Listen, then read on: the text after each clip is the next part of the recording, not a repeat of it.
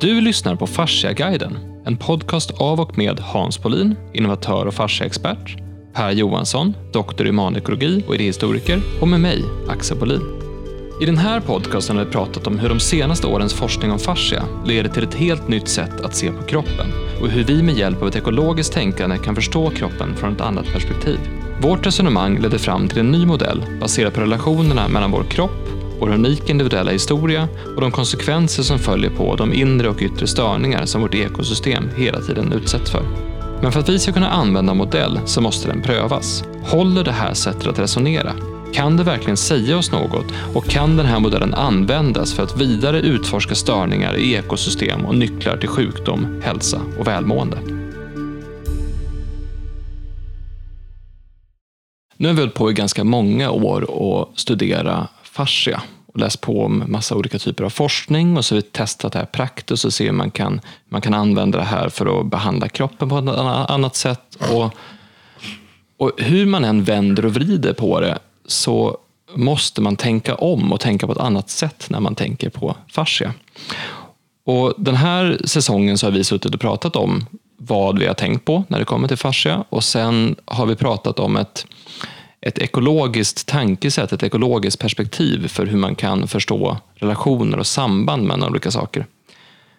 Och förra gången så pratade vi om sjukdom och hur, varför man egentligen blir sjuk eller vad som vad som hänger ihop med sjukdom. Och då landade vi någonstans i en, i en modell för hur man kan förstå kroppen och hur allting hänger ihop.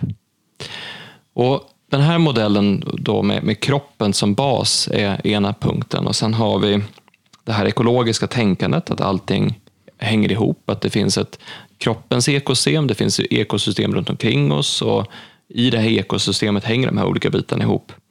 Men det finns också en massa störningar. Och störningarna kan ju vara inuti kroppen. Och det kan vara saker som händer utanför. Och hur man påverkas av de här störningarna hänger ihop med vem man är som individ. Vi pratade i förra avsnittet om att eh, till exempel så jag läser väldigt bra när jag lyssnar på musik samtidigt, eller jobbar väldigt bra när jag lyssnar på musik samtidigt. Men, men för, för dig Hans så är det snarare ett störningsmoment att musiken är på i bakgrunden. Och hur man hanterar olika typer av utmaningar kan också vara olika från individ till individ. Och någonstans kommer även den personliga historien in här. Hur har jag reagerat till saker tidigare? Vad jag har varit med om? Vilka idéer har format mitt tänkande? Så att den här historiken finns också som en del av den här modellen. Eh, I det här avsnittet tänkte vi därför prata lite grann om är det här en modell som är giltig, att vi kan gå vidare med? Funkar den här modellen? Och vad behöver vi mer ha med oss om vi ska ta det här vidare nu och börja förstå sjukdom, friskhet, störningar, vad som händer i världen och sådana saker. Och vi börjar då med det här ekologiska tänkandet, mm. Per. Så vi, vi pratade lite grann om, om det här med att saker är relationer, men hur, hur förstår man om vi säger så här, hur sofistikerat och komplext är egentligen det här ekosystemet som i det här fallet då är kroppen, alltså hur det anpassat sig efter olika eh, år och hur det hanterar eh, olika typer av störningar och så vidare. Ehm, jag tror det viktiga här är att alltid sträva efter att tänka och föreställa sig så konkret som möjligt allting. Så om, om man utgår från kropp, kroppen då i centrum så, och tänker ekosystem, så kan man å ena sidan, om man så att säga tittar inåt i kroppen, säga som du sa nyss, att kroppen i sig, den levande kroppen, är ett ekosystem där det händer en massa konkreta, faktiska saker hela tiden. Du har en massa beståndsdelar som relaterar till varandra och det är relationerna som är grejen.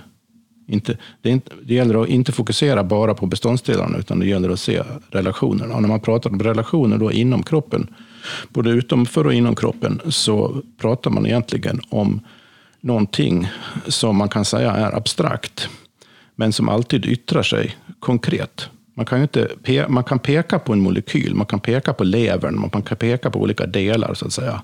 Men man kan inte peka på relationerna. Då måste man uppfatta på ett annat sätt. Och talar man om relationerna så blir det ett mer abstrakt tänkande, fast det är väldigt konkret. Just det, för Är du jag, med? Ja, jag kan inte se, vi har ju en relation du och jag, Ja. men jag kan inte se den relationen. Nej. Jag kan se dig och jag kan se mig och jag kan minnas saker vi har gjort. Ja, om du tänker dig någon ja. utomstående iakttagare så kan de se att vi pratar med varandra. Men de kan ju inte av, av, av det se vilken relation vi har. För att, för att förstå den relationen måste man förstå vår gemensamma historia, hur vi lärt känna varandra och så vidare. Vi- Vilka känslor vi har för varandra alltihopa. Och det, det är ingenting man omedelbart kan, kan se. En väldigt intuitiv person kan avläsa en del av det. Kan se, att vi är nog goda vänner och så vidare. Eh, eh, men låt oss inte stanna där. Utan det, enda, det enda jag ville framhålla nu först och främst är att man måste, vad vi än pratar om här, här nu, framöver så måste man sträva efter att föreställa sig så konkret som möjligt. Så den, kroppen som ekosystem består av en massa delar, men det är relationerna som är själva ekosystemet mellan delarna. Och det är därför fascian är så intressant också, för fascian är ju uppenbarligen ett organ som har som på sätt och vis främsta funktion och, och fungerar som en sorts sambandsorgan mellan olika delar. Det får vi väl anledning att återkomma till med er, med er hjälp. Om man tänker då på ekosystem i, i vanlig mening, alltså det yttre världen så att säga. Ett ekosystem består ju av summan av alla kroppar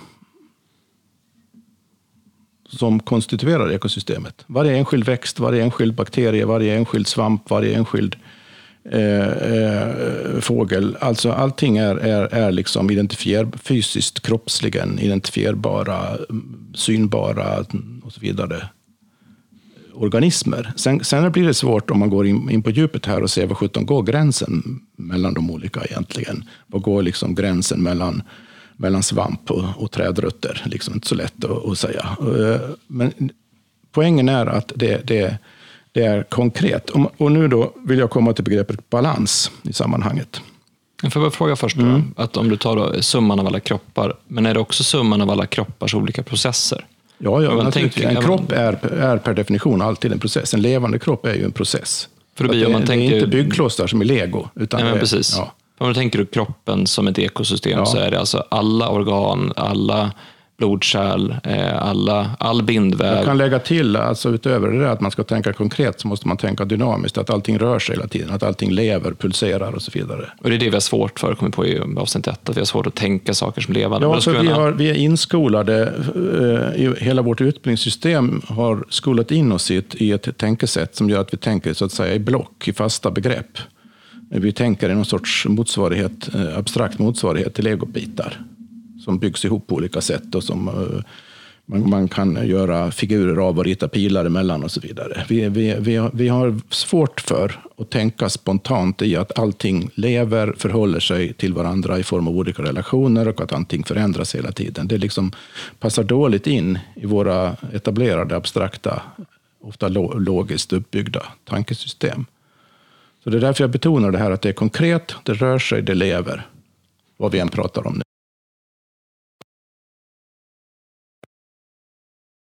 plocka ut dem så att säga och se dem för sig. Men man kan urskilja dem kan man göra ju. Man kan urskilja lever, men man kan inte se hur levern relaterar till lungorna till exempel. Fast den gör det. Så det är där det blir så komplext, att du dels har alla bitar som vi pratar om, alla delar av kroppen, men också alla flöden i kroppen, alla processer Ja. i kroppen. Och den kroppen i sig är en del av ett ekosystem med andra kroppar Ja. Och försöker omkring. man då göra en rent tankemässig modell av det här, att, att, att liksom, så man, har, man ser, liksom ser framför sig på något sätt eh, figurer som man gör att man kan hålla fast det här i tanken och tänka på det. Då, då, blir det, då, det, det- då det börjar kännas, oh shit vad många olika grejer det är. Vad komplext det är och, och det påverkar det och det påverkar. Till slut blir en, en himla röra. Det är väldigt svårt att tänka på det, tycker man. Det är därför, därför det är väldigt viktigt, det får vi anledning att återkomma till. Det är väldigt viktigt att inte bara då tänka abstrakt, formellt så att säga, här, utan att leva sig in i det. Att, att se det som en, en, en, en film som man lever med i, snarare, när man försöker. Det är ett annat sätt att, att, att, att, tänka som baseras på en, en, en sorts levande förnimmelse och inlevelse i saker snarare än, än, eh, än ett stra- abstrakt kategoriserande och jämförande och slutledningar och så vidare. Men är det därför det blir viktigt att tänka i termer av principer? Ja. Alltså en princip som, som, du, som du skulle börja prata om, det här med balans. Ja. Att det finns en princip som man strävar mot till exempel. Ja. Eller som en mekanism som är bakom systemet. Om vi tar det då, balans. Eh, när man pratar om en, en, en organism så brukar man använda ett finare ord så att säga, som är homeostas. Att, att eh, en, en levande kropp strävar efter att bibehålla en viss, rela, en viss relation mellan allt som pågår i den. Så, så, så att allt fungerar i, i, i, i ett sorts eh, pågående, fungerande samspel med vartannat. Så fort någonting rubbas där, det kan vara allt från temperatur, ta kroppstemperatur, om, om, om, om, man, om, man, om det är för varmt, om, om ens yttre miljö är för varm, då börjar man svettas för att kyla kroppen, för annars blir den för varm. Eh, är det för kallt så får man klä på sig eller ha någon annan metod för att bli varm, tända en brasa eller någonting. Det där, det, och, och anledningen till att man gör det och, och, och man känner kroppsligen av det behovet att antingen kyla sig eller värma sig. Och mycket av det svettar gör man ju automatiskt, men tänder en brasa gör man ju inte automatiskt. Men man känner ju att man fryser. Eh, så, så kroppens homeostas fungerar spontant, automatiskt och strävar efter att hålla eh, vissa medelvärden, skulle man kanske kunna kalla det. Och det är det vi kallar balans. Så, och det, det, det där kan man specificera, och det har man ju gjort i forskningen. Specificera väldigt noga vad är förutsättningarna för att en mänsklig kropp ska säga, kunna hålla sig någorlunda homeostas, det vill säga överleva. För att eh, blir det för obalanserat så dör man ju helt enkelt. Och, och blir det lite obalanserat eller mycket obalanserat, men man fortfarande är vid liv, så blir man sjuk på ett eller annat sätt. Eh, när man pratar ekosystem och balans så måste man tänka lite annorlunda. För att ett ekosystem är det kontinuerliga resultatet, summan, utfallet av vad alla organismer i ekosystemet gör hela tiden. Mm. Så att man kan, det blir lite missvisande, menar jag, om man ska förstå ekosystem rätt, om man säger att ekosystemet strävar efter balans. Det, det skulle jag säga att det inte gör.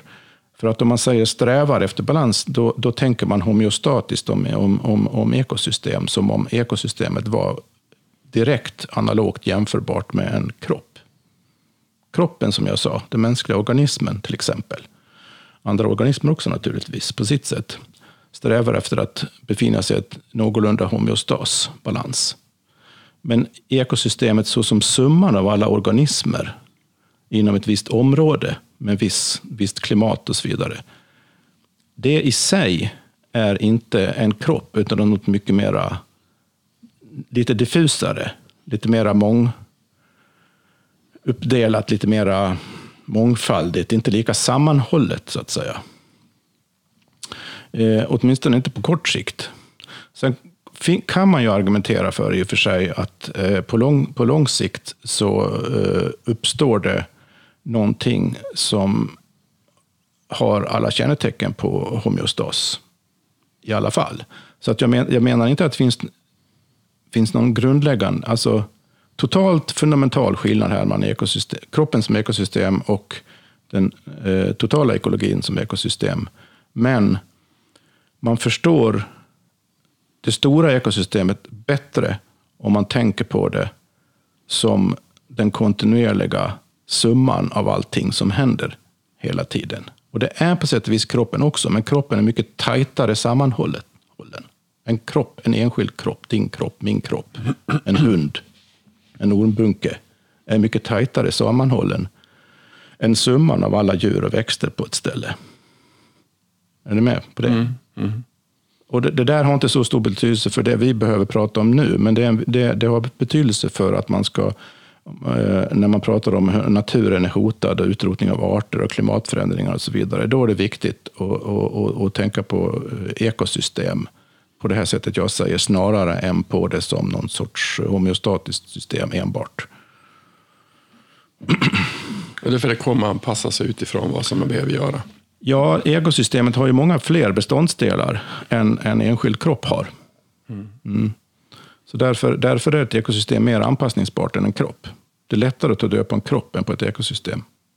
Och anledningen är den här skillnaden, menar jag, som jag har sagt nu. Men då blir det i det här fallet, tillbaka till modellen då, så blir det ekologiska tänkandet är att se vår kropp i relation till allting annat som händer runt omkring. och allting vi som, ingår ju alltid i det här totala ekosystemet. Så Precis. även när vi pratar om kroppen som ett ekosystem, så var vi anledningen till att det är meningsfullt att göra det, det är att- det hjälper oss att tänka på kroppen som ett komplext system som lever Mm. och anpassar sig hela tiden och strävar efter homeostas. Då är det ekologisk så att säga, attityd till att tänka på det frukt, fruktbar. Men denna kropp är ju, är ju en av en av alla de organismer som utgör den här summan av det totala ekosystemet samtidigt. Så kroppen är ju, är ju inte avgränsad eller avskild överhuvudtaget. Menar, så- Så fort kroppen avskiljs från, från det totala ekosystemet på något sätt, till exempel eh, genom, eh, ja, ja så, så dör den ju bokstavligen. Och det, eh, hur ska man tänka på det här då? Jag sa att man skulle tänka så konkret som möjligt. Jo, tänk att varje andetag du tar gör dig till en del av det totala ekosystemet.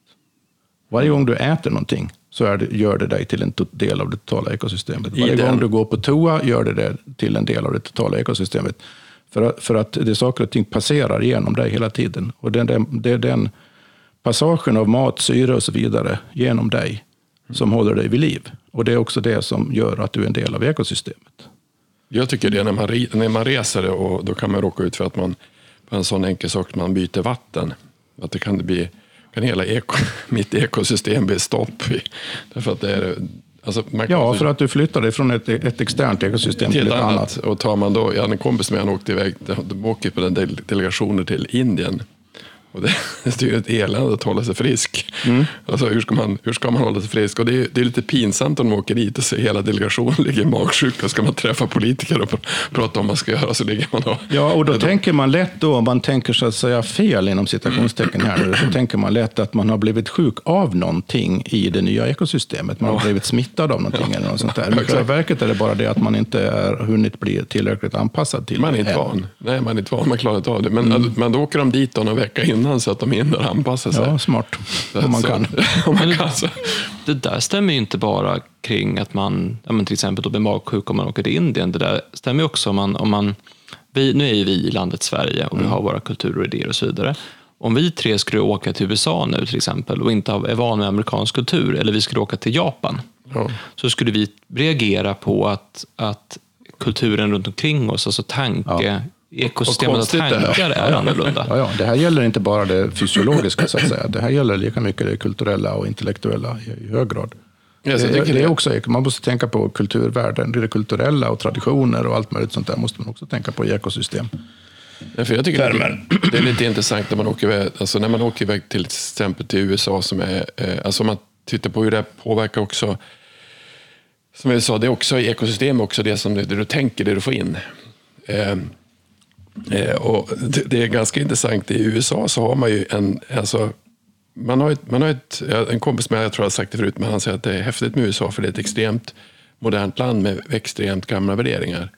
Det är som att det, det föds unga människor nu med 200 år gamla värderingar. I överdrivet säger jag att det är så, men lite grann är det så. Och då blir det ju, de har ju ett annat sätt, de har ju så många olika mer samfund, så de, de kan ju tro på vad som helst. Så att det kan vara lättare egentligen att, att prata med en amerikan om fascia än att prata med en svensk om fascia. Därför att de, är mera, de har mera olika typer av kulturella saker. Eh, alltså om, man, om varje president säger in God we trust, så det, ska ju inte, det är länge sedan man sa i Sverige. Men, Ja. men, det, men det är en annan kultur. Ja, men det hände mig igår faktiskt. Då var det en, en amerikan jag satt och pratade med och så sa vi håller på att jobba med fascia. Du kanske inte har hört om det, men bara, jo men fascia, ja, okej, ja men just det, ja. Ja, och det, det har potential att förändra hela sättet vi ser på kroppen. Ja, det är skitintressant. Så här. Alltså, det är liksom hans spontana Just det, reaktion. just det. Och han jobbar med marknadsföring. Och det var som att, ja men just det, det här har jag hört att det kan vara någonting nytt och det kan förändra saker. Och bara, ja. Sen så var det som inte så mycket mer med det, men då, då var det, alltså, det var ändå en, den kommentaren jämfört med om man pratar med de flesta om, om fascia i Sverige så är det en annan typ av det är en annan typ av grundinställning till den, det samtalet. Och det kan ju också ha att göra med det kulturella, hur mottaglig man är för olika, hur, mottaglig man är för ett mångfald av, en mångfald av idéer. Ja, oh ja. För USA är ju, de är ju intressanta för de har just den här, den här politiska uppdelningen med demokrater och republikaner, men de har ju väldigt stor mångfald av idéer eftersom att det är ett så fruktansvärt stort land. Ja, så, precis. Många, många, många olika typer av kulturer. Men tillbaka till, då ska vi se, då vi alltså pratat om, om eh, delegationen till Indien ja. som får störningar i sitt... Eh, det är en störning i det externa ekosystemet som påverkar kroppen. Vi kan prata om att Nej, det är en störning i det interna. interna. Störning i det interna, interna ekosystemet som påverkar. Men, men från att den externa miljön är annorlunda. Ja. Och då, då kommer vi till, ändå till nästa punkt i den här delen. Är, alltså vi, vi har ju det ekologiska tänkandet att allting är relationer och sen har vi någonstans hur kroppen fungerar. Det här med fascia, vi pratade förut om immunförsvaret, vi pratade om kroppens interna då, ekosystem, eller hur, hur allt i kroppen händer med relationer och flöden och så vidare. Men om vi tar nästa punkt i den här modellen som vi har pratat om är just störningar i ekosystem. Då pratade vi förra gången om om hur olika sjukdomsförlopp och saker man kan råka ut för. Men vi har ju en ganska avancerad anpassning efter störningar som vi har fått fram eh, evolutionärt. Alltså, ja. alltså alla ekosystem och alla arter, men även vi. Om vi, om vi tar den här distinktionen jag framhöll nyss då, av vissa principiella skäl mellan ekosystemet i stort och kroppen som ekosystem, den enskilda kroppen. Så eh, den enskilda kroppen, såsom en del av det totala ekosystemet, är ju också en del av eh, hela det systemets historia. Och det, det, är den historien man kallar för evolution. Eller evolutionär, man kan, därför man pratar om evolutionär ekologi, för man kan inte förstå en aktuell ekologi, så att säga, utan det, veta dess historia. Så ett, en, en, ekologi är alltid en historisk process. Den, det betyder att den ändrar sig hela tiden. Eh, och under årmiljonerna då så har ju det här jag kallade kroppens homeostas, kroppens balans, att, att, att den behöver hålla sig inom ett visst, om, visst eh, inom vissa variabler så att säga. Och där är olika organismer olika, har olika krav för att kunna upprätthålla sin homeostas. Det kallas för ekologiska nischer, eh, är en del av det där, att de har olika behov. Ehm, är en del av det i alla fall. Jag ska inte krångla till det för mycket nu, men Eh, homeo, för, kroppens förmåga att upprätthålla den där homeostasen bygger ju på historisk erfarenhet, det vill säga på evolution. Som har med genuppsättning och sånt att göra mm. också, men inte bara. Men, men, men mycket. Så att, så att normalt sett så blir en kropp inte sjuk. Kan man säga. Det är väldigt svårt under normala omständigheter att störa en kropps homeostas. För den är oerhört motståndskraftig mot mm. allting som, som den kan råka ut för. För att nästan allting en kropp kan råka ut för har andra kroppar i tidigare generationer redan råkat ut för. Och de som inte har klarat det, de har dött. Och har de dött innan de själva har hunnit få någon avkomma så har deras gener inte heller förts vidare. Mm. Så att summan av de gener vi går och bär på nu är summan av de gener som gör våra kroppar oerhört starka och motståndskraftiga mot allt möjligt. Mm. Och det var här du tog upp förra gången Hans, det här med att man inte, sjukdom finns i princip inte i naturen på det sättet. Det är en definitionsfråga vad man menar med sjukdom. Då. Alltså, så som, om, man, om, man, om man konsekvent tänker i de här termerna så är, är ju sjukdom nästan, jag ska inte vara för kategorisk, men nästan identiskt med att hamna i obalans av ett eller annat skäl. Vare sig det är genom extern påverkan, det kan vara, det kan vara väderpåverkan, det kan vara mm, psykisk påverkan från släktingar, det kan vara virus, det kan vara eh, att man eh, har... Det kan vara alla möjliga externa grejer som orsakar obalans, men det kan också vara interna, interna saker i en, så att säga, en, ens alldeles eget interna ekosystem som av någon anledning har blivit stört. Eh, eh och, och, ofta då faktiskt av psykiska skäl. Medan eh, om det blir stört av att man äter dålig mat eller någonting, eller fel mat under lång tid, inte så nyttig mat under lång tid, då har man ju en störning som på sätt och vis yttrar sig internt, men som i grund och botten är extern. Den också. Så, så sjukdom, att tänka på balans och kroppen som ekosystem på det här sättet, det, det implicerar ett annat sätt att tänka på själva begreppet sjukdom överhuvudtaget. Men så här långt så är det ju väldigt det här, då kan många känna att det här känns ändå ganska rimligt. Det finns en, en stark grund till det, det vi pratar om och så vidare. men sen kommer vi de här två parametrarna som kanske gör det hela lite, lite annorlunda, lite svindlande och det är ju eh, individen. Mm. Det här med att, för det här, det här blir problematiskt sett till hur man bedriver studier och, och statistiska undersökningar och så vidare idag. Att, att två individer med väldigt lika genuppsättning, som jag och Hans till exempel, mm. har egentligen helt olika historia. Mm. Och till viss del liknande tankesätt för att vi är familj, men, men också olika, vi har olika upplevelser som har format olika sätt hur vi tänker på saker och så vidare. Jag och min bror är olika också. Eh, och dessutom så har vi olika sätt att bemöta och hantera störningar i ekosystem.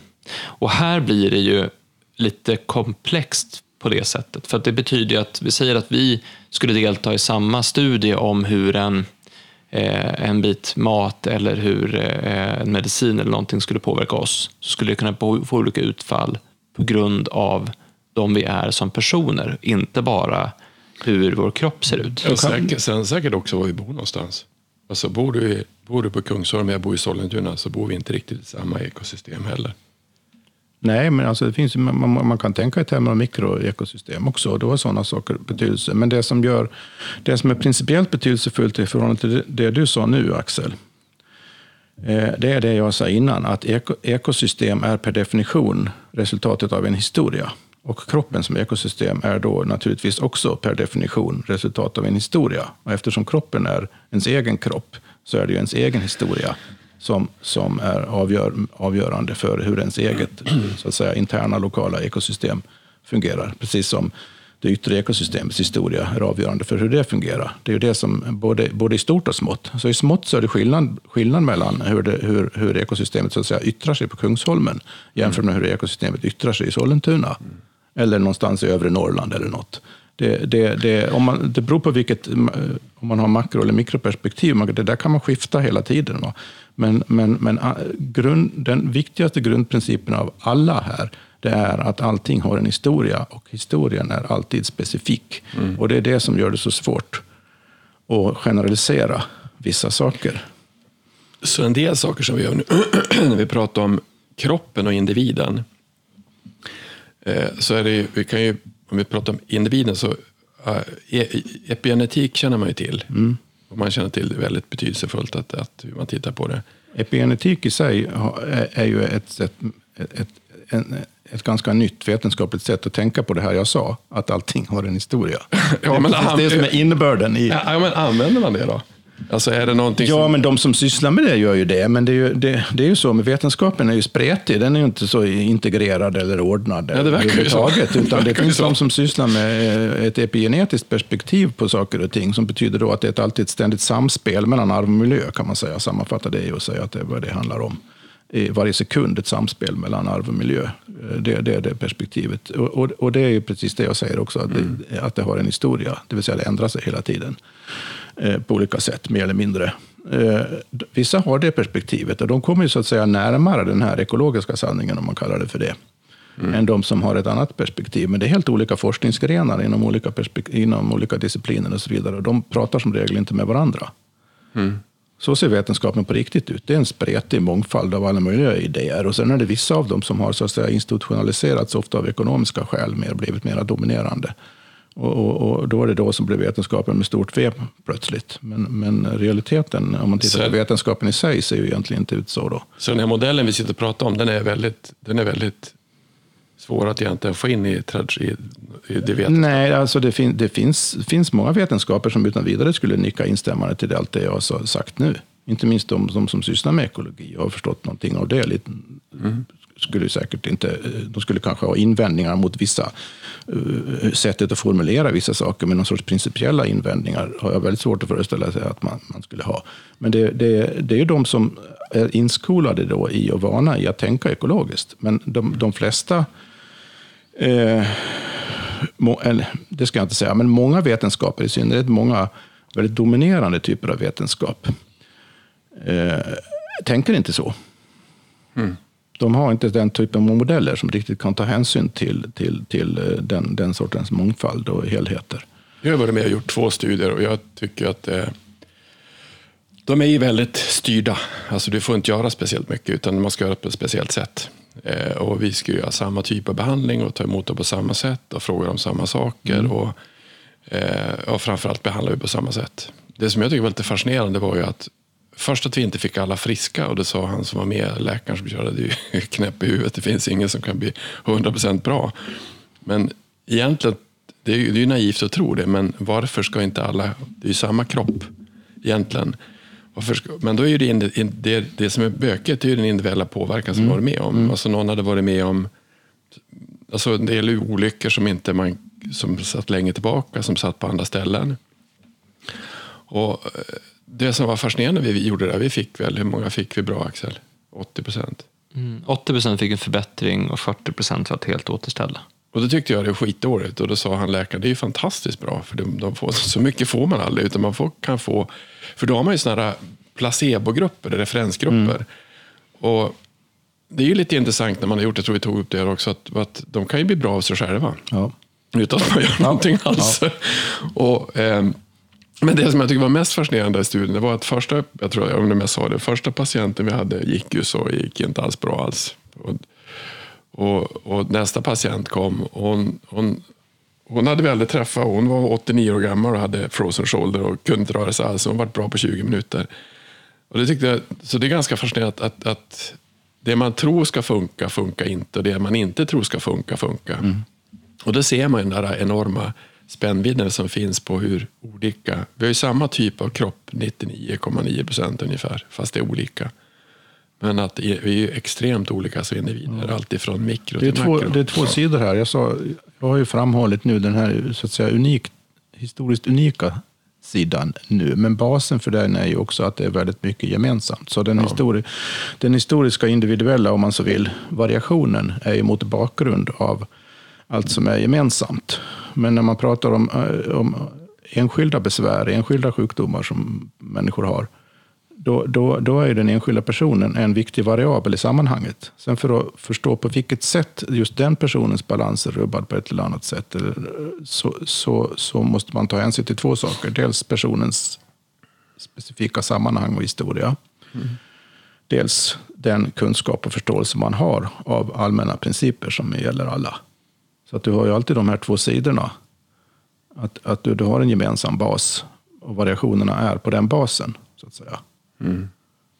Men sen tror jag också att man, man ibland kanske underskattar vad en människa är eller underskattar det man inte förstår eller tänker på. För om du säger så här, men vi är 99,99 procent lika men 1 procent skiljer oss. Ja, men det, det för mig är det ett helt meningslöst Ja, men, påstående. i men, och för sig. får jag bara eh, Ja. ta vidare? För det som är, det som är om, om vi är väldigt lika på väldigt mycket då, Ja.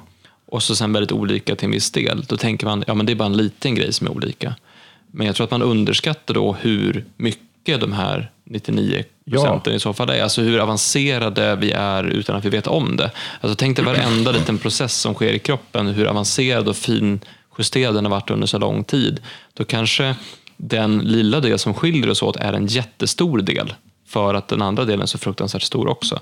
Ja, men Det det, var- är, det, det, är, det är precis det jag menar när jag säger att det är ett meningslöst påstående. För att eh, det, det, det, det, påståendet förutsätter att det finns en uppdelning, att man skulle liksom ta, ta alla de olika delarna som vi består av. Då. Så skulle man, 99 procent skulle man lägga i en hög och så skulle man ha en jätteliten hög med 1 procent. Och, och så skulle man eh, tänka då, ja men oh, har vi så mycket gemensamt, då kan den här lilla, precis som du säger, inte ha, lilla högen inte ha så stor, stor betydelse. Men om, om, återigen det här med epigenetik och att allting är, är så att säga i realtid och anpassar sig kontinuerligt, inre och yttre, till vartannat.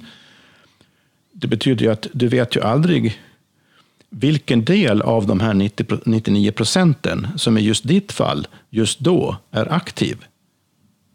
Va? Det är ju inte samma 99 procent som är aktiva samtidigt hela tiden i var och en av oss, utan det är olika delar hela tiden. Och det, så den verkliga variationen har ju inte med någon sorts, sorts procentuell uppdelning att göra, utan den verkliga variationen oss emellan har att göra med vilka olika delar av oss som aktiveras av vilket, vilket, vilken anledning när, så att säga. Och det är olika. Även om man sitter i samma rum så, så blir det olika. Och då kanske det är så att den lilla delen är den som har absolut störst betydelse. Ja, ja, ja. Och det, för jag tänkte på det när du sa det här. Jag, jag tror att det är så, bara för jag, sa, jag håller med Per, jag, för jag säger det, det är så man brukar säga. Ja, men det är det jag menar. Ja, ja, visst, men, jag men, det, men det, är bara, det är många saker som man brukar säga.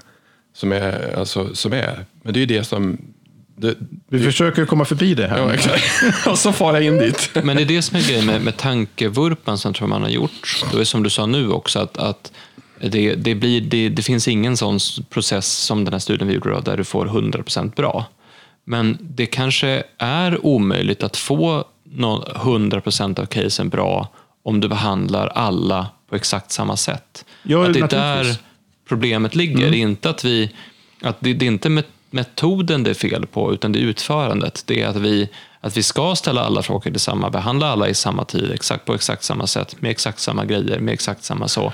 För så gör man ju faktiskt kliniska tester också. Det är ju det som är svagheten i den sortens vetenskaplig metod. Nu, nu är det inte så att jag säger att den vet, sortens vetenskapliga metod är fel, för att det är vissa saker man får syn på på det sättet. Men det, det gäller verkligen att tänka till vad sjutton det är man får syn på egentligen på det sättet. Eh, för att eh, den sortens vetenskaplig metod fungerar bara om man gör vissa väldigt fundamentala antaganden. Till exempel, eller, eller om vi struntar i den biten, de, den fungerar på premissen att man, om, om det gör, är någon form av behandling till exempel. Det kan vara fysisk behandling eller det kan vara någon ny medicin eller vad det nu än är för någonting som man vill testa. Eh, hela, hela grejen är ju att man använder samma för alla. Och det, det är just det som inför en begränsning i vad man kan förstå. För att med den modellen så kan du ju inte förstå variationerna. Nej. Du kan bara förstå det gemensamma. Och om variationerna då är det som ytterst sett, särskilt för individen, har störst betydelse, eh, vilket det har per definition, då, då, alltså det, det felaktiga antagande som man ofta gör då, som dominerar väldigt mycket av, av, av eh, attityden, tycker jag, till, till hur, man an, hur man resonerar om, om, om så kallat vetenskapligt beprövade saker och så vidare, det är att man antar att det blir liksom som om det, det, det, man får ju ett standardiserat utfall och det är det man vill ha för att det är det som gör det möjlighet, eh, möjligt att upprepa försök och så vidare, vilket är ett, är ett krav. Va? Då måste man göra samma sak på samma sätt hela tiden, annars, annars upprepar man ju inte. Det man, miss, det man aldrig kan få syn på då är anledningen till de som in, reagerar annorlunda. Det är därför man pratar om biverkningar för mediciner, vilket är ett väldigt konstigt begrepp egentligen. Biverkningarna är ju de som hamnar utanför det standardiserade, det. önskade resultatet. Då, då säger man är biverkningar, men då fokuserar man ju bara på det som är gemensamt. Man fokuserar ju inte på skillnaderna. Då. Egentligen är ju, är ju biverkningar ett helt missvisande begrepp, för att allting är ju verkningar. Du kan ju inte skilja den ena, egentligen inte skilja den ena verkningen från det andra. Och, så, och, och det här har jättestor betydelse för den enskilda personen. För att om du är en av dem som får en allvarlig biverkning, då, då spelar det ingen roll för dig att, att du så att säga... Ja, men du är bara en av en miljon. Ja. Jag är ju fortfarande jag. Ja. Så, så att, så, som, för att upprepa det, jag, jag, jag dissar inte i princip den sortens vetenskap, men jag säger att man måste vara otroligt medveten om vad den absolut inte någonsin kan säga någonting om. Och det den inte kan säga någonting om är ofta det mest intressanta, i synnerhet för den enskilda människan. Men men då kommer vi nästan tillbaka till det som vi var inne och tassade på lite grann nyss, det här med att eh, vetenskapen är splittrad på många olika sätt och inte alls enig. Men du har ju pratat mycket om i dina tidigare poddserier och så vidare om just eh, distinktionen mellan vad vetenskapen är och vad folk tror om vetenskapen. Och även distinktionen mellan, mellan tro och vetenskap. Eh, och även vilket perspektiv och vilken bild vetenskapen har i samhället. Egentligen, vi pratat lite grann här förut också, Ja. vetenskapen med stort V, vetenskapen som substitut för sanningen. Eh, vad är problemet med en sån, en sån inställning till vetenskap? Ja, den grundläggande skillnaden är ju mellan vetenskap så som den existerar i olika institutioner och, och, och forskningstraditioner och forskningsteorier och modeller och alltihopa. Det är, en, det är en mång, ett sammelsurium, en mångfald, som inte, där det mesta egentligen inte är särskilt integrerat med vartannat. Eh, det är realiteten och det är så det på ett, på ett plan. Sen finns det, om, eh, det eh, nu menar jag det då rent teoretiskt, men praktiskt så är, det låter ju bra då, va? för då, då, finns det en stor mångfald och det är väl jättebra. Och, och, och, och det är jag den första att hålla med om, att, att det, det är en förutsättning för, för att du ska vara bra där. För att det blir ju en ekologi det också då. Va? Det blir en sorts kunskapsekologi där massa olika idéer frodas och prövas. Och de som är bäst kommer att överleva. De som är lite sämre, de kommer att kritiseras sönder och håller inte. Men vad som händer i praktiken har med finansiering att göra. Mm. För, för att ska man hålla på med något djupt studium av någonting så tar det tid. Och den tiden måste betalas. Antingen får man då betala det själv, så att säga. Mm. eller också måste någon betala det åt en. Och vem är det som är intresserad av att betala din tanketid? Mm. En, enligt, en visst, enligt en viss modell. Ja, då finns det vissa intressenter. Om vi pratar medicinsk vetenskap så finns det ju vissa intressenter, nämligen de stora läkemedelsbolagen, som är väldigt intresserade av att betala din tanketid mm. för sina syften. Men de är ju inte intresserade av, av idéer som så att säga gör det mindre möjligt för dem att tjäna pengar. Ja, givet inte. Nej, och så är det med all finansiering av vetenskap. Att, att, att fastän du har teoretiskt sett så har du den här mångfalden och den existerar på riktigt också. Mm. Men den är, den, den, om man tittar på praktiskt så är den dominerande typen av vetenskap är, är de som, som har finansiering av olika skäl som inte har med vetenskapen i sig att göra. Mm. Och, och, och de intressena är också då i sin tur eh, i princip ekonomiskt beroende av att just deras typ av vetenskap är den som har högst status. Mm. Mm, så de kommer, de kommer att, verka för att, att, att, att främja en viss vetenskapssyn, en tro på en viss typ av vetenskap. Mm. Utåt, så att säga. Och det här är ingen konspirationsteori, det är bara nästan någon sorts automatisk följd av hur det, det hela det, det finansieras. Ja, Eh, och för att varje, varje, man är, folk är beroende av sin försörjning och den som så att säga håller pengarna är i princip den som bestämmer väldigt mycket. Mm. Och, och så, så, så, man ska vara, som, som medborgare då, om man säger, uttrycker det på det sättet, som medborgare så bör man vara lite skeptisk till alla generella uppfattningar om vad som är vetenskapligt sant och vad vetenskapen säger och, och, och så vidare. Mm. För att de man hör i media som styrs, eller vad ska jag inte styrs, men som, dominerar i media, i synnerhet eh, om, om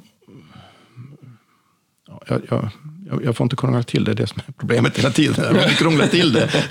Jag, jag, kommer in på alla möjliga stickspår som, som avslöjar den reella komplexiteten. Jag får hålla mig borta från det. Um, det visar ju bara att ämnet är komplext. Ja, men man ska inte lura... Det, det, finns ett sätt att lura sig själv också när man säger att det är komplext. För att då tycker man att då är det svårt att förstå. och Då finns det ingen klar bild. Men det stämmer inte riktigt. Det är, det jag vill, det är därför jag tycker att det är viktigt att förenkla också. För att den enkla sanningen är att det som torgförs i media om vad som är vetenskap och i synnerhet när man pratar om medicin och sådana andra ekonomiskt viktiga sektorer av samhället. Eh, det är den, den bild som man får av vetenskap där är en intressestyrd bild. Det är inte den reella bilden. Och de flesta människor har ju varken tid eller, ja, särskilt inte tid, även om man har förmåga så har, så har man ju inte tid att sätta sig in i allt det här. Jag menar, för att jag ska kunna ha någon sorts egen, någorlunda klartänkt och befogad uppfattning om det här. Jag vet inte hur många tusentals timmar under livet. 10 000, 100 000 timmar jag har liksom ägnat åt att försöka fatta det här överhuvudtaget. Som, ja. som gör det möjligt för, för mig att, att förenkla det på det här viset och nog kunna stå för det. Det, det. det är ju inte så många som har eller tar sig den tiden. Så de flesta människor är ju hänvisade till att tro på vad man hör egentligen. Ja. Och vad är då kriterierna för vad man tror på? Ja, men om, om vissa, vissa typer av idéer är de som man hör mest i tv och ser mest i tidningarna eller, eller, och så vidare. Då, då har man ju ingen egen anledning utan vidare att betvivla det. Utan man tror, ja, men om, om doktorn säger detta så det måste väl vara sant, för han är ju utbildad och han jobbar ju med det här. Vem är jag som skulle, skulle ifrågasätta det? Liksom, va? Men då, då, då är det det är det som blir kontentan av det här. Då är det inte en tro på vetenskapen, utan det är en tro på doktorn. Just det. Det är en tro på, är en, tro på en auktoritet. En auktoritet. Jag hade, jag hade så det är en sån där konstigt, alltså, du, du har varit med om det, jag har varit med om det, Axel har varit med om det, fast jag har inte tänkt på det. Alltså för fem öre. Men jag fick, min pappa ringde mig och så sa han, har du sett i VK att det står en, en, läkare som har gjort en studie på att man ska klippa navelsträngen, två, man ska vänta två minuter med att klippa navelsträngen, det vi gjorde i Sydkorea på en jädra massa folk.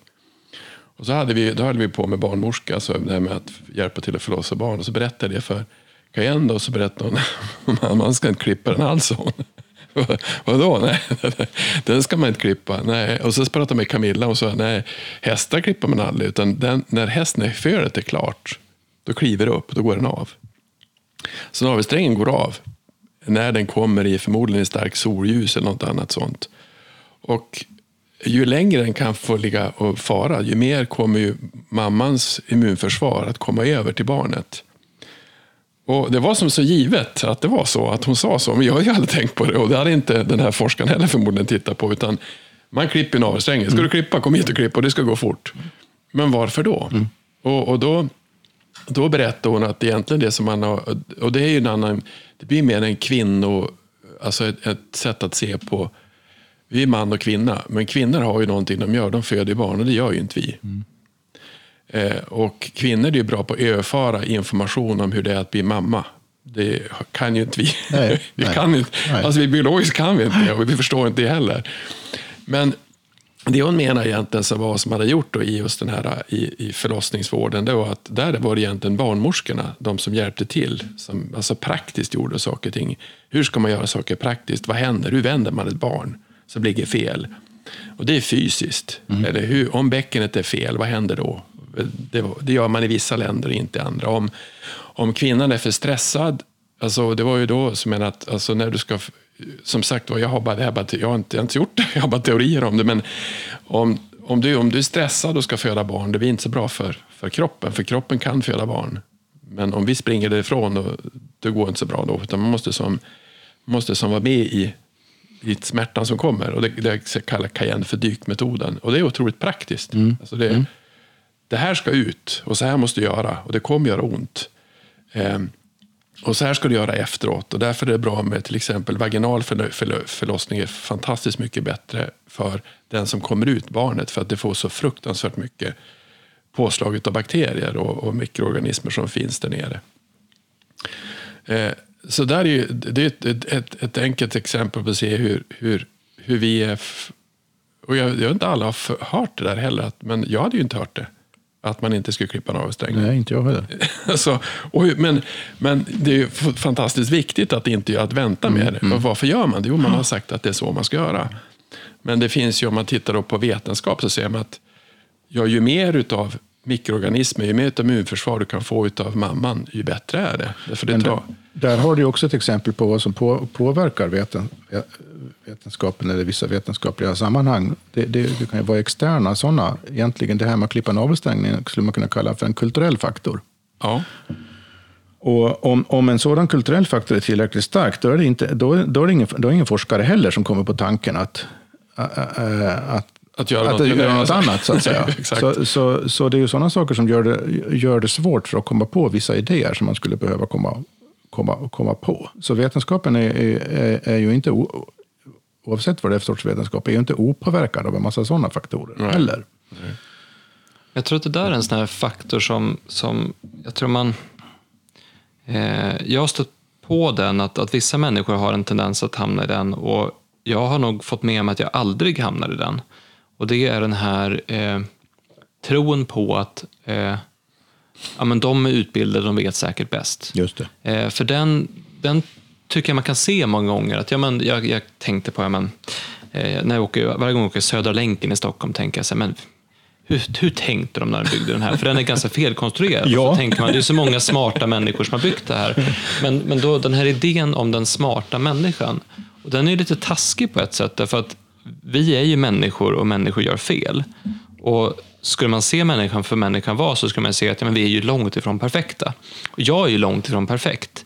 Varför tror jag då att de som sitter och tar beslut eller så är eh, är perfekta. Det är ena motgrejen till det här. Och sen har du det vi pratade om nyss, med att man inte, man inte är enig inom vetenskapen, trots att man kan få den bilden om man läser en tidning ibland, att vetenskapen, att vetenskapen är en institution där alla håller med varandra. Nej. En, kon en konsekvens av det är ju att man, är ju, att man inte är enig veten, inom vetenskapen. Det är en förutsättning för att summan av allt som bedrivs under det namnet, paraplyet så att säga. Summan av det resulterar som någon sorts kunskapsekosystem, att om det, om det fungerar optimalt. Eh, att det som är sannare sållas så småningom fram ur det som är mindre sant. Men, men det, det, man vet ju, problemet är att man vet ju aldrig det i förväg riktigt. Mm. Så det är därför det är så dumt att tro på någon specifik eh, vetenskaplig idé också, såvida den inte är väldigt beprövad då under lång tid. Det finns ju sådana idéer som, som eh, gravitationsteori och kvantmekanik och sånt som är, de har liksom prövat så mycket så de, de, de får man godta så länge. Det ska mycket till för att kasta omkull dem. Men en massa andra vetenskapliga idéer är, är ju inte, har inte alls den statusen. Därför är det så svårt att veta vad som är sant. Och så, som, som du är inne på nu då, Axel, det är en väldigt viktig sak. Bara för att någon är utbildad eller, eller, eller välbildad eller kunnig eh, liksom, i någon specialområde betyder inte att den personen nödvändigtvis, för det första betyder det inte att den personen vet någonting om något annat överhuvudtaget. Mer än vem som helst. Och, och, och, för det andra så vet man inte om, om, om just det vetandet är det som i slutändan kommer att visa sig vara det, det, det sannaste. Så det finns många skäl att så att säga förhålla sig skeptisk utan att bara bli, man, man kan ju bli dum skeptisk också, dum ifrågasättande. Men mm. alltså en sorts grundhållning som gör eh, någorlunda liksom balanserad skeptisk grundhållning är bra. Jag brukar vara elak ibland och säga så här till mig själv, eller tänka så här, att, att ju mer välutbildad någon är, desto dummare är de. Har, vilket betyder att, att det, det, är lätt att tro, både för en själv och för andra, så att säga, att bara för att någon har en hög utbildning så är det en klok person. Det pratade du om i tidigare avsnitt också, just att, att den utbildning du läser också institutionaliserar dig i ett speciellt sätt att tänka på. Jag tänker på ett visst sätt kring företag för att jag är utbildad ekonom. Ja, och du, ehm. det, det, går djupare än så. För att när du jobbar med det sen då på de premisserna så, så har du en massa kollegor. Och alla, de, alla ni så att säga, befinner er på sätt och vis so, so, socialt i, i, i, samma båt. Nämligen att, att om man skulle tänka allt för mycket annorlunda då, i den miljön så, så, så blir man avvikande. Och det är alltid svårt att vara socialt avvikande. Mm. Så det är också en faktor då som påverkar eh, tänkandet i, i, i, sin tur. Så det, det, det, är därför vissa idéer befästs under lång tid, eh, institutionellt och så vidare, och i olika traditioner och, och, på olika institutioner. Det är för att det är så socialt jobbigt eller kostsamt att avvika. Och det är detta som i sin tur gör de samlade vetenskapssamhällena så att säga, till ett ekosystem. Det är att du har dessa, de fungerar nästan som någon sorts organismer. Och, och, och det är ekosystemets historia som över tid sållar fram det som är mera Förutsatt att det finns, att det begrivs någorlunda fritt någonstans, så sållar det så småningom fram det. Men, men eh, det mesta av det man ser i levande livet är mer eller mindre trångsynt. Det kan man nästan utgå ifrån. Och därför blir det ju så att det kanske är så att ingen har haft den tanken eller ställt den frågan som du sitter och funderar på eller tänker på själv. Så var det ju med dig med när du träffade professor Karl Arfors som är medicinare och professor mm. och så vidare. Att du, han bara, du, du, ställer så, du kan ju ingenting så du ställer så konstiga frågor. Och det är ju anledningen till att vi sitter här idag, för att vi började titta på saker som andra inte hade tittat på. Vi började sammanställa saker som andra inte hade sammanställt och sen testade det praktiskt på ett annat sätt. Det är ju det anledningen till att vi sitter och spelar in den här podden mm. överhuvudtaget. Men... Jag bara, apropå det, alltså, en anledning till att jag gärna vill säga det jag just har sagt nu är att jag vill väldigt gärna stärka den vanliga människan att att inte tro att bara för att jag inte har någon utbildning i det och det, bara för att jag inte är på den nivån, eller vad man än liksom tror om sig själv i förhållande till andra som man tycker vet mer. Det är, inte, det är inte givet eller självklart att bara för att någon har en viss position eller en viss utbildning eller en viss utbildningsnivå, att den personen nödvändigtvis begriper bättre än, än vad, jag, vad jag själv gör. Mm. Så man ska aldrig undervärdera sig, sig själv och sin egen urskiljningsförmåga. Nej, så sen så det, det som jag tycker är med, med det helhetsperspektiv som är med fascia, det är att det är ju ett fantastiskt självläkande system. Det är ju, det är en sluten, ett slutet system, fast med, ändå med ett stort system. Men som kan ju bevisligen läka sig själv mycket fortare än vad man tror. Det är egentligen, jag tror det, det, är så mycket, det som är lite konstigt med, med oss människor är att vi kan också koppla bort, alltså vi kan distansera oss så mycket så att det inte går att läka. Vilket ja. är ganska intressant. Ja. Att man kan stänga av det har jag funderat mycket. Hur kan, man, hur kan man stänga av saker och ting så att organismen inte funkar? Hur kan organismen, eller kroppen, bli så less på individen så att den säger nu får du göra något annat? Eh, det är ju jättemånga som har varit med om, om, om som har gjort eh, det finns ju otroligt många människor som har varit med om, om extrema kriser mm. och, och, och, totalt mörker som de har kommit därifrån och har tänkt på ett helt annat sätt. Jag satt och lyssnade på en karl som hette Eckart Tolle för tio år sedan. Han sa, gör inte som jag har gjort. Han har suttit en, jag tror han har suttit i en bänk i två år eller bara funderat. Och så ska man inte göra. Det var det för jobbigt. Men, men, det finns ju de som gör det. Ja. Alltså de som har blivit, alltså Leonard Cohen har varit väl munk. Eller det, det, finns ju de som har gått in i det där och bara försökt att förstå vad det är för någonting. Och kommit ut som helt andra människor. Men så att vägen att gå i, genom totalt mörker är ju inte roligt. Men när, det, när du har gjort det, när du ser ljuset på andra sidan, så ser du på ett annat sätt. Mm. Och det är det som är det märkta, att vi kan faktiskt stänga av oss själva så att vi blir totalt mörker. Det är detta som gör att vi kan utvecklas som människor. För att mörkret i fråga upplevs ju som ett mörker just för att man har hamnat, kommit till ett tillstånd eller till en insikt eller upptäckt någonting. Eller eh, att, att det man har trott innan stämmer inte. Ja. Och då vet man inte vad man ska tänka eller hur man ska tro om någonting. Och är det där, går det där tillräckligt djupt så hamnar man i det här mörkret inom citationstecken. Liksom, att, att, att, man befinner sig i någon sorts limbo och förstår ingenting, vet Nej. ingenting. Och det var, en, antingen kommer man inte ur det då. Den möjligheten finns ju. Men om man kommer ur det, då, då, då, då gör man ju det därför att man har så att säga, sorterat om saker och ting och fått, fått nya, nya insikter. Så för att utvecklas som människa så är det olika sådana här mörkerstadier.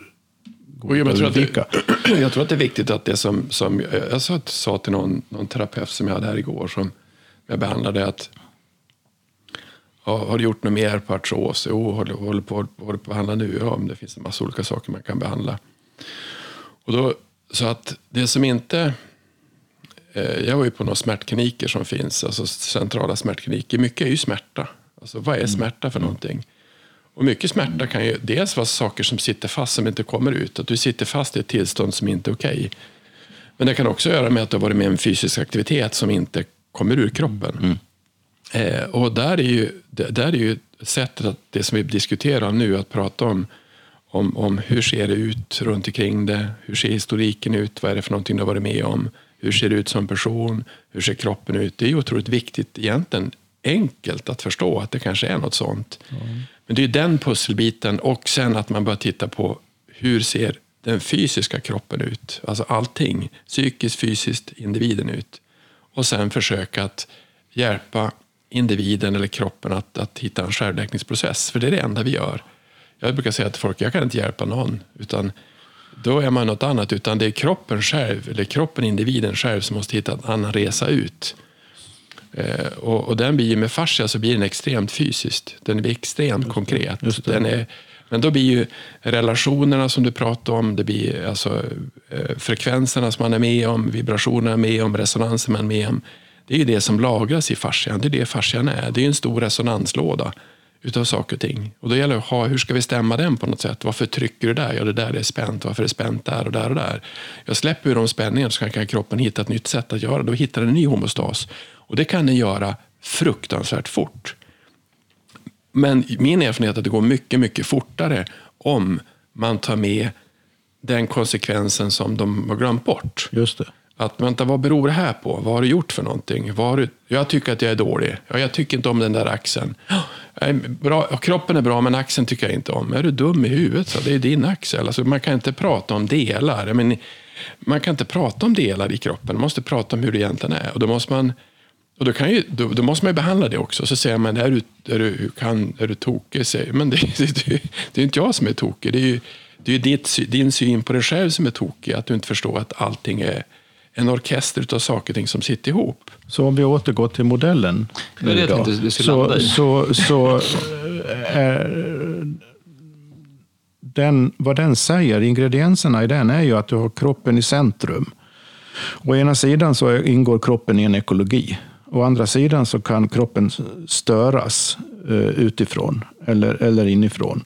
Kroppen har också en historia och kroppen är också individuell. Det är ingredienserna i modellen. Vad är poängen med den modellen? Jo, det är ju att det går inte att förneka någon av de här ingredienserna i modellen. Du kan inte förneka att du har en kropp. Du kan inte förneka att du är en individ. Du kan inte förneka att din kropp har en historia, att du har en historia. Du kan inte förneka att du ingår i ett ekosystem. Du kan inte förneka att både, både du och ekosystemet kan utsättas för störningar. Mm. Och det Poängen med modellen är ju att inte glömma bort någon av de här aspekterna mm. av verkligheten. Mm. Och så svårigheten uppstår ju då hur man, hur man ska använda det här kunskapsmässigt. Hur det fungerar kunskapsmässigt och hur det relaterar till vissa etablerade sätt att bedriva så kallad vetenskap. Och det där blir ju komplext för att, eller det, nu ska vi se. Det här betyder ju någonstans att jag är resultatet av allting jag någonsin varit med om, allting jag någonsin har tänkt och det jag är som biologisk varelse också.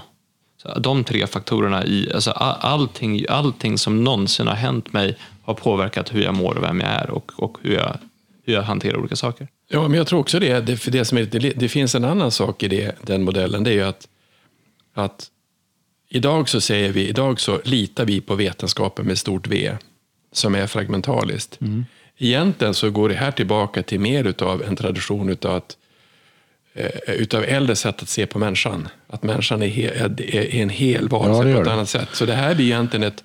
Vi säger att om vårat vad heter det, fram, vad kallar vi det, tänkande som är nu, framtidstänkande, vad heter det, framtidstron? Nej, vad sa vi att det hette? Ja, framstegstänkande. Framstegstänkandet. Alltså det här är ju kanske diametral motsats. Att det här är egentligen att den som är, den som är kungen i hela systemet är individen. Den som är ledare av allting är individen. Det är individens premisser jag måste titta på.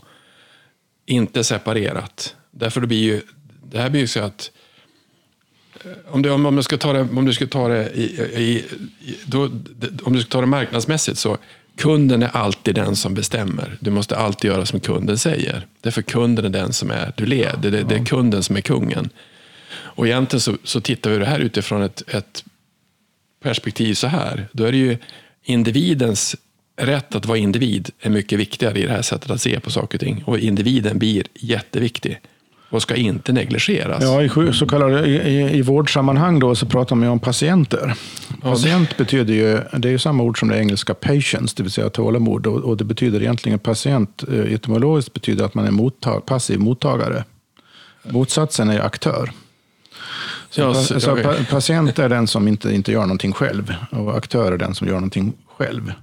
Så, så eh, det är också en sak som man måste komma förbi då, alltså den här pacificeringen. Att man är bara som, som att, att man om, man om man blir sjuk och går till någon som ska förment veta mer, så att säga, så, så blir man bara mottagare och, och, och, och passiviserad i den rollen. Det där är en annan historia. Det är bara intressant det där med själva det, ordet. Men, den, men, men den blir ju, det är inte den som, för egentligen är det, det är, det är ordet som är konstigt. Du ska ja. vara aktör, inte patient. Ja, ja, visst man ska vara aktör. Ja. Såklart, hur dålig man än är så måste man vara aktör. Jag är aktör. Ja.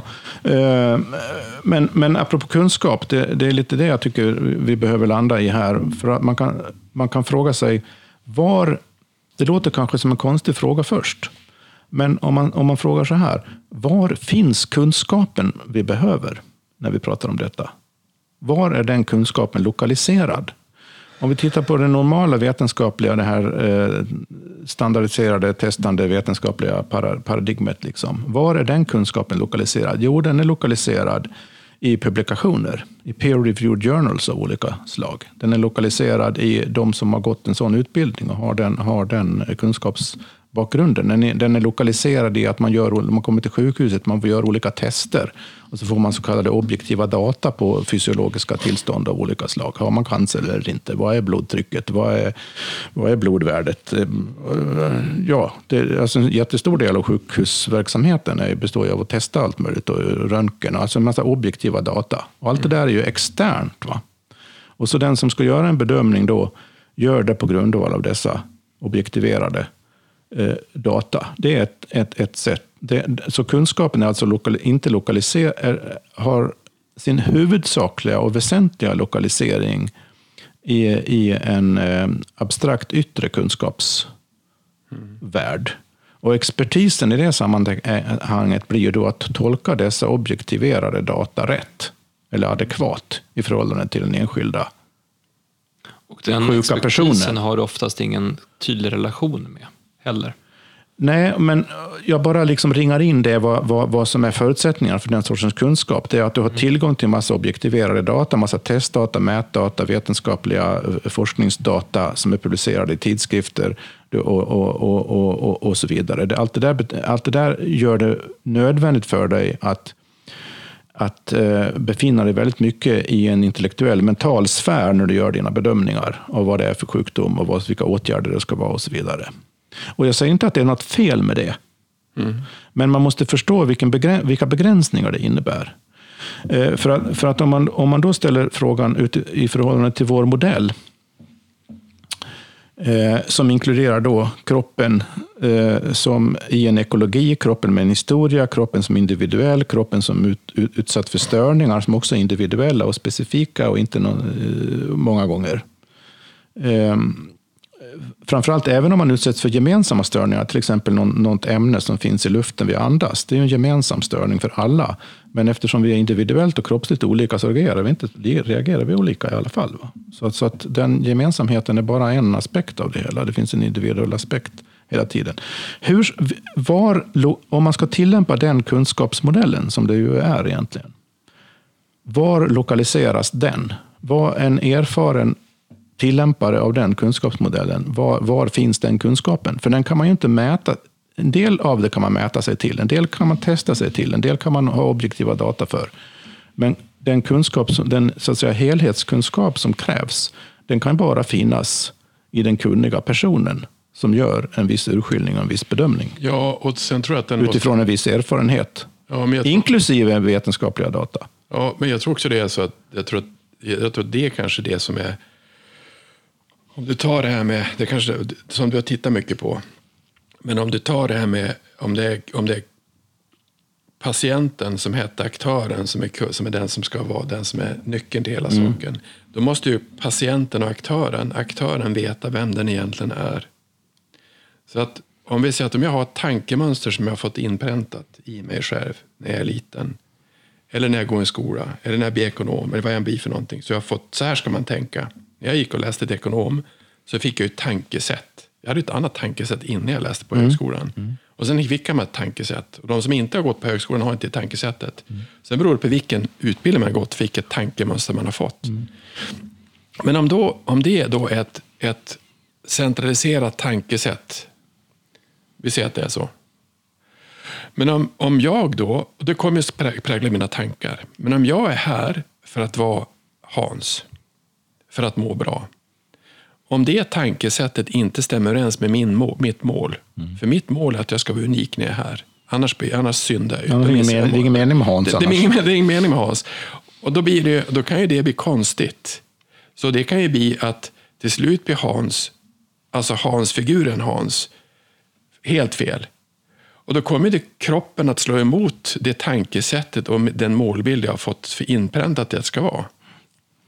Och då är vi tillbaka igen på hur utvecklar vi individer i, i skolan, i, i hela systemet? Hur mycket fria själar får vi ha?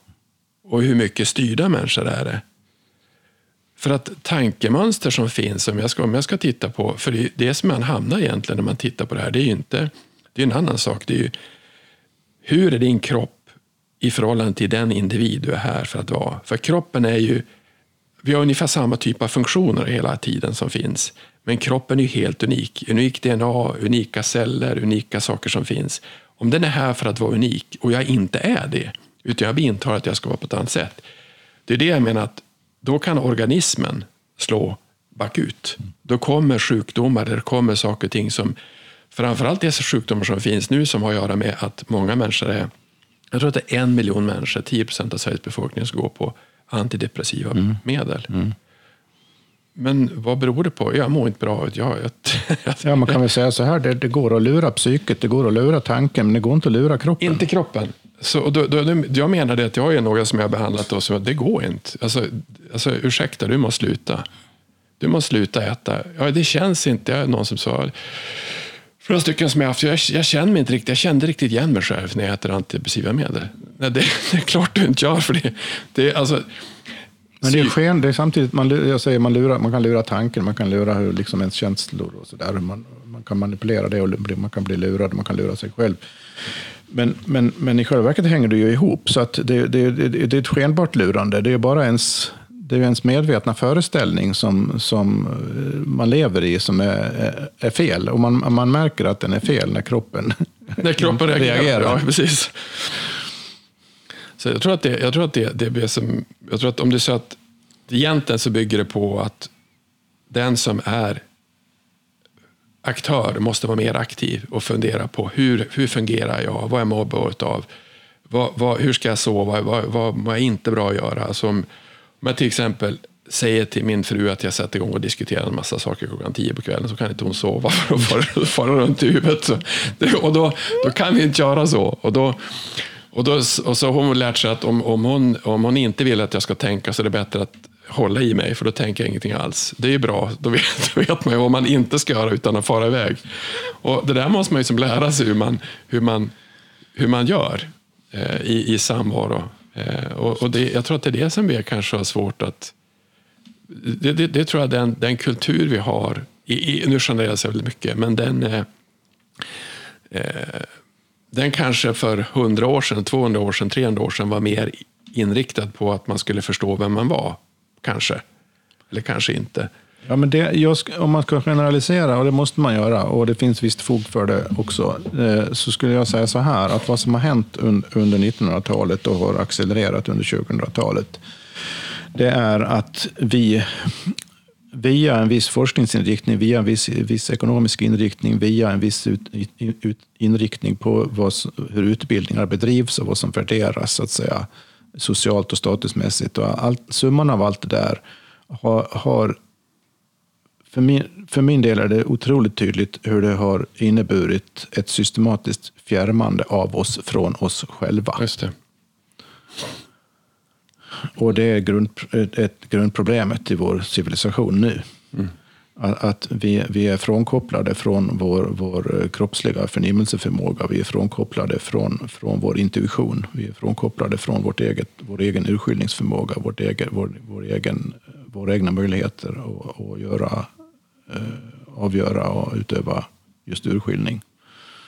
Eh, och, och det, är system, det, det, är symptomatiskt att det fästs i olika sammanhang, vare sig det är ekonomiska, politiska, eller vetenskapliga eller, eller mediemässiga, eller vad man ska kalla det, eh, fäst väldigt eh, liten eh, auktoritativ vikt egentligen vid eh, just intuition, urskiljning, omdöme. Utan det fästs vikt vid eh, olika formella kriterier. Mm olika abstrakta kriterier. Mm. Då finns det ju en, en, en väg framåt här som jag mm. tänkte vi skulle be oss ut på. Eh, det första är att istället för att säga varför blir man sjuk? Eller hur håller man sig frisk? Så byter man ut det till varför blir jag sjuk? Och hur håller jag mig frisk? Det blir absolut kontentan. Vad tycker ja. jag om det här? Just vad det. vill jag? Men den frågan ställer man inte till en auktoritet, utan man måste ställa den till sig själv. Och Det här är utmanande, för kan man ta med modellen nu då, hur, hur fungerar min kropp?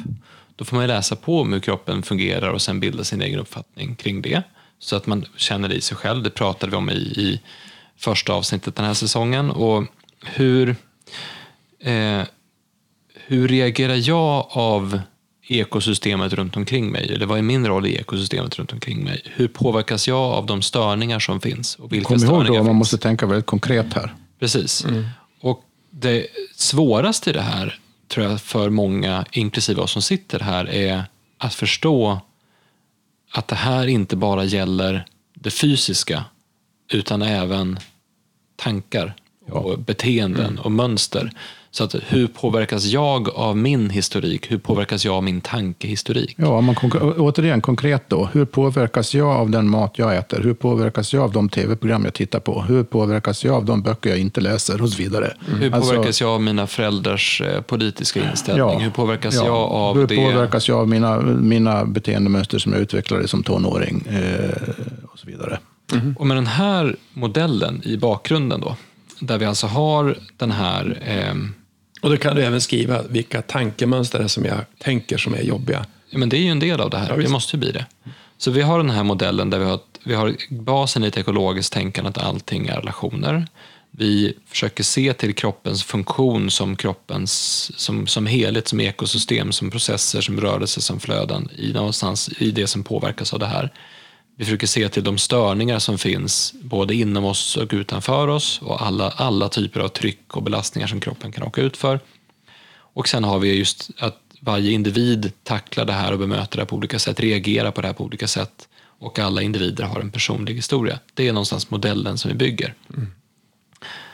För att nu ge oss ut på den här resan så får vi gå tillbaka till det som vi pratade om tidigare med, med suspension of disbelief. Alltså vi måste gå in och leva oss in i den här modellen. Därför att det vi, det vi nu ska göra, vi tre, eh, i avsnitt framöver, är att titta på vilka störningar finns det?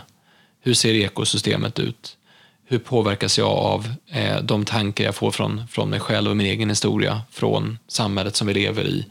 Eh, och försöka titta på vad, vad är det här? Och det kommer, bli, det kommer bli en annan take på ett annat sätt att se, ett annat perspektiv att se på saker som eh, man kanske har hört andra saker om. Och det här blir väldigt utmanande både för den som lyssnar och för oss. Ja, det blir det.